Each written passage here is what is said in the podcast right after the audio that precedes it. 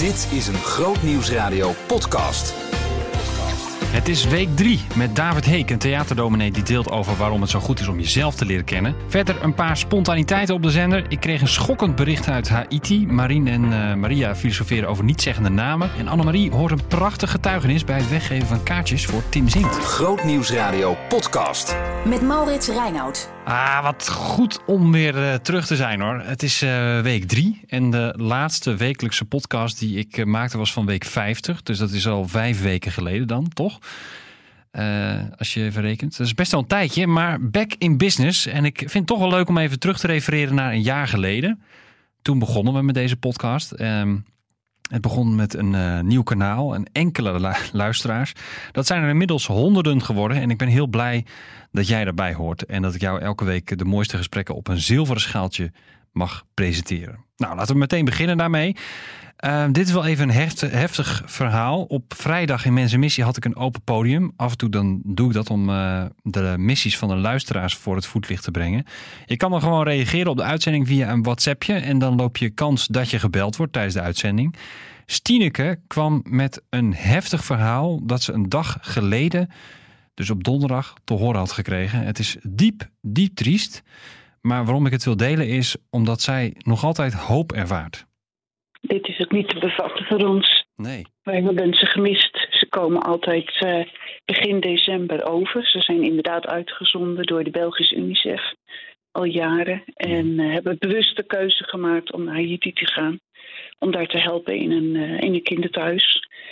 En bewust zelf geen kindertjes ja, ja. genomen. Is niet het goede woord, hè? Nee. En twee kindertjes geadopteerd, Michelle en Laure. Michelle is al paar jaar geleden overleden aan cholera. Ja. Laure is overgebleven. Ze hebben twee nieuwe meisjes geadopteerd die over straat gezworven hebben. En uh, de kleine Julie en Charlotte zijn nu ook gestorven. Ze zijn uh, naar Port-au-Prince gereden en met het plan om richting België te gaan. Voor de eerste keer met alle drie de meisjes. Ja. En ze zijn in een hinderlaag gelokt en aangevallen. En de kindertjes zijn overleden samen met uh, nog de zoon en schoondochter van uh, Amerikaanse vrienden, die ook vanuit België uitgezonden zijn. Jongen, jongen zeg. Ja, ik kan dit geen plekje geven. Mensen die zo vechten voor ja, gerechtigheid en zoveel liefde geven. Ja. Dan dit. Wij, we zijn allemaal verslagen. Ja, dat kan ik me heel goed voorstellen, ja. En het is uh, ja, hartstikke vers ook nog, dat verdriet wat je voelt. Want het is gisteren dat je dat nieuws hebt gekregen. Uh, toch ja. schrijf je erbij, mijn voornemen is om te blijven strijden tegen armoede en onrecht. Wat bedoel je daar precies mee? Uh, ik heb zelf ook best een hele moeilijke tijd gehad met ziekte. En ja, dan sta je aan de kant van de maatschappij.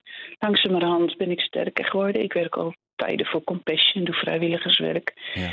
En sinds vorig jaar komt steeds ook het woordje IGM omhoog, hè, International Justice Mission. Ja, ja. En ik ben ook door een wonder in Afrika terechtgekomen, in Gambia, een aantal jaren terug. En daar help ik families in de armoede en sta ik ook voor de klas. En ja, soms is dat best wel moeilijk om daarvoor te vechten, mensen te vinden die jou daarmee willen helpen. Om Mhm. toch te zorgen dat de kinderen naar de goede school kunnen. Of in ieder geval eten hebben. En dan denk ik van, ja, het, ook in Nederland is trouwens onrecht hoor. Ja, ja. Daar wil ik uh, wel voorop stellen, daar hoef je niet voor naar Afrika te gaan helaas. Nee. Maar ja, God heeft mij naar Afrika gebracht. En ik heb ook net mijn reis gepland naar Afrika in maart. Mhm. En opnieuw krijg ik dus de bevestiging, jij gaat daar naartoe. En jij gaat binnen jouw mogelijkheden, ga jij toch weer vechten tegen gerechtigheid of uh, tegen onrecht. En de mensen daar helpen. En jij gaat jouw vrienden die weer terug willen straks, ze zijn nog in Haiti. Mhm. Ze komen naar België zodra ze vervoerd worden. Maar ze willen weer terug. Ze willen weer twee nieuwe meisjes, dochtertjes, straks adopteren, een tweeling. Jongen. Je gaat ze blijven steunen en je probeert het werk daar ook te blijven steunen. Ondanks dat je ze nu en dan zoiets hebt van ja, waar doe ik dit voor? Hè? Ja. Het onderricht lijkt te zegevieren. En daar heb, had ik het gisteren ook over met mijn andere vrienden. Die dan allemaal om de mensen in Haiti heen staan. Van waar doen wij dit nog voor? Het lijkt wel of het onrecht zegeviert of God er niet meer is. Ja, maar wat, Stineke, in dit hele verhaal, ehm, put jij er- ergens nog hoop uit? Heb je, he- zie jij ergens licht? Ja, elke dag. Ondanks dat het heel moeilijk is en ik soms ook echt best wel zelf ziek ben, is er steeds licht in mijn hart. En op de een of andere manier kan ik dat niet uiten elke keer. Mhm, Kan het ook niet altijd zeggen. Nee. En zeker tegen mensen die niet geloven is dat best heel moeilijk. Ja. Maar goed is altijd daar, want anders was ik hier niet meer. En dat heb ik ook nu. Ik heb heel veel tranen. Ja. Wij hebben heel veel waaroms. En wat hebben we tegen elkaar gezegd? Er is toch licht, want wij hebben hoop. We weten dat er straks toekomst is. Wij weten dat deze kindertjes toch nog een paar jaar niet meer over straat gezorgd hebben. Ze hebben het goed gehad bij mijn lieve vrienden. mhm. Bij Wim en Anneke, bij Ellen en Lies. Ja. En daar heeft God voor gezorgd. En God, God heeft ze nu bij zich gehaald. Hoe moeilijk ook. Ja, dat is bizar hoe moeilijk dat is. Hè? Moet je je voorstellen dat het je overkomt. Eh, dan kan je, zoals Tineke zegt, alleen maar zitten met heel veel waarom-vragen. Maar ik vind het zo gaaf dat we op onze radiozender plek hebben voor gebrokenheid. En dat we dat niet uit de weg gaan. En dat we dan toch zien dat er midden in die gebrokenheid, midden in die ellende, dat God daar ook toch nog is. Grootnieuwsradio podcast. Met Maurits Reinoud. Goed, even wat luchters. Eh, Maria schuift dikwijls aan bij Marien om eh, kwart over vier om even de dag door te nemen. Sorry als je Henk of Johan heet, maar ik vond dit toch wel even grappig.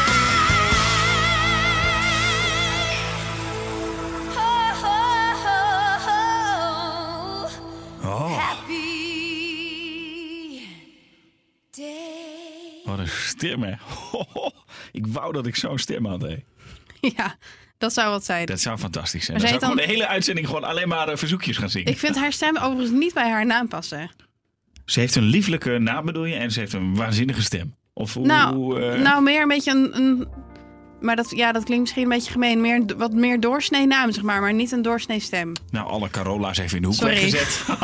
Voor alle lieve Carolas. Ik kan Onze heel collega Carola Veldhuizen. Ik wist dat ik het niet had moeten zeggen. Nou heb ik het toch gedaan. nee, ik waardeer die eerlijkheid van jou. als, wel, als mensen nu stomme dingen willen zeggen over Maria, de naam Maria, dan mag dat gewoon. Ja, dat is zo cliché, Ja. weet je. Als je als, eh, als christelijk, christelijk echtpaar, eh, getrouwd echtpaar eh, en je krijgt een kind en, je, en, en, en het is een meisje. Nou, het eerste waar je dan aan denkt is dat, maar dat is Maria. als je dat niks weet, dan doe je gewoon Maria. Dan doe je Maria, precies. Als laatste. Ik was ook kind nummer vijf, dus ja, ze Ja. moesten wat. Ja, toen was alle creativiteit op. Toen dacht ze, ach, waren Maria, joh. Toen was het rond kerst zeker, of dat niet? Nee, februari. Nou, Oh ja, nou Na precies. kerst, kort na Toen- toen kerst. Zijn ze kerst, met kerstdagen, tijdens de kerstdagen zijn ze erop gekomen. nee, ik waardeer die eerlijkheid altijd wel. Ik zit even te denken of wat ik nou een, of gewoon zo'n mainstream gemiddelde naam vind. Henk. Sorry. Henk. Klaas. Ik ga nu niks meer zeggen over namen, want hey, ik jaag misschien wel allemaal luisteren. We zitten wel, wel flink ook collega's die mee te. Ja. Ja, als, ik, als ik echt nog zo'n gemiddelde naam vind, Johan. beter is als Ja, we... we stoppen. We gaan het hebben over... Nou, voel je niet beledigd hè, als, je, als je naam genoemd is. Dat is niet de bedoeling. En nog zo'n leuk, spontaan moment op de zender was het eh, moment dat Ma- Annemarie eh, iemand belde om kaartjes weg te geven. Luister deze week naar Groot Nieuws Radio. En maak kans op kaarten voor het nieuwe cabaretprogramma Verloren Vaders van Tim Zingt. Ja, d- dat hij zo graag naar de kerk wilde, dat, dat geldt vooral voor hem. Mark, goedemorgen. Goedemorgen. Want ehm jij hebt je opgegeven voor kaartjes voor Tim Zingt. Dat, dat even ten eerste. En dan wordt gevraagd om de vraag te beantwoorden... waar waren jouw ouders je een keer kwijt? Eh, Mark, jij ging stiekem naar de kerk. Waarom? Ja. Nou ja, ik wilde een eh doopdienst eh, meemaken van een vriend van mij die bij mij op de jeugdclub zat. Oké. Ja, toen heb ik stiekem de bus gepakt. En heb ik de doopdienst eh, meegemaakt. En, en even voor, Ja. mijn- voor mijn beeld, hoe oud was je toen? Kaal. Oh, oké. En het, het was niet gebruikelijk dat je, dat je de bus even nam? Eh, nee, niet eh, voor zo'n stuk eh, toen, dat ik toen moest reizen. Want hoe lang heb je erover gedaan? Waar was die doopdienst? Nou, ik woonde toen in Hoofddorp en dat is Aalsmeer de Brug. Nou, dat is toch gewoon al Ja. ja. 20 minuten de bus. Dus ja. Ja. hey, waar, waar heeft dat toe geleid dat, dat jouw ouders je kwijt waren omdat je stiekem naar de kerk was? Nou ja, in die doopdienst ben ik zelf ook tot geloof gekomen. En de doopdienst later stond ik er. Dus ja, het is wel een eh, bijzondere herinnering van mij. Jongen, jongen. En, Ja. en, en, en hoe was dat voor jouw ouders? Eh, mijn moeder was helemaal in de stress. Van, waar ben ik? En zaten ze erbij, de volgende doopdienst? Eh, ja, mijn moeder zat erbij. En wat bijzonder was, mijn vader ook. Die gelooft zelf niet. Maar die zat er wel bij. Ik vind het een prachtig verhaal, Mark. Ja, Hoe, hoe Ja. een, een zoektocht na- naar een verloren zoon kan, kan leiden tot een keus en een doop. ja, Het levert je ook nog eens twee kaartjes op voor Team Zingt. is goed. Dankjewel. Dag Mark. Is goed. Dag. Supermooi toch? Als je zo vlak voor het nieuws van half negen even in de file zo'n getuigenis hoort. Ik vind dat, eh, dat vind ik nou charme van live radio. Grootnieuwsradio podcast. Met Maurits Reinoud. David Heek is theaterdominee. Hij schoof aan bij Eunice Nahuis in Brandstof. Om te praten over de vraag... waarom is het een goed idee om jezelf beter te leren kennen? David, waarom zou je eigenlijk jezelf beter willen leren kennen? Ja. Ehm, nou, dat heeft eigenlijk een beetje te maken ook met mijn eigen levensverhaal. Van, eh, ik ben gewoon een, ik ben een gelovige kerel. Hè? Ik ben eh, kerkelijk opgegroeid. Ehm, en daar zit toch een beetje het idee achter van, weet je wat je moet? Je moet God leren kennen. Je moet Jezus leren kennen. En daardoor leer je jezelf kennen. En dat is geen eh, voor jou één tweetje. Nee, ik denk ook gewoon dat het niet waar is. Ik ben het gewoon eens met Calvijn. Die, die dat ook omdraait. Van leer jezelf kennen. En daardoor leer je God kennen. Dus Ik hoor meteen eh, mensen ook wel stijgeren van ja, maar Ja. dat, dat dan begint toch, dan begin je niet bij de bron. Nee. Nee, maar weet je, ehm, God is om ons heen, hè? Op bergen en in dalen, ja, overal is God. Prachtig lied, God is om ons heen. Maar God is ook heel dichtbij. Hè? Denk aan eh Sela, on, onnoembaar aanwezig. Weet je wel? Zo, ons, hij is, God kent mij beter dan ik mijzelf ken. Mm. Weet je, dat, is- dat is ongelooflijk. Hè? Of Psalm 139, hè? Heer, u doorgrond mij van omhoog.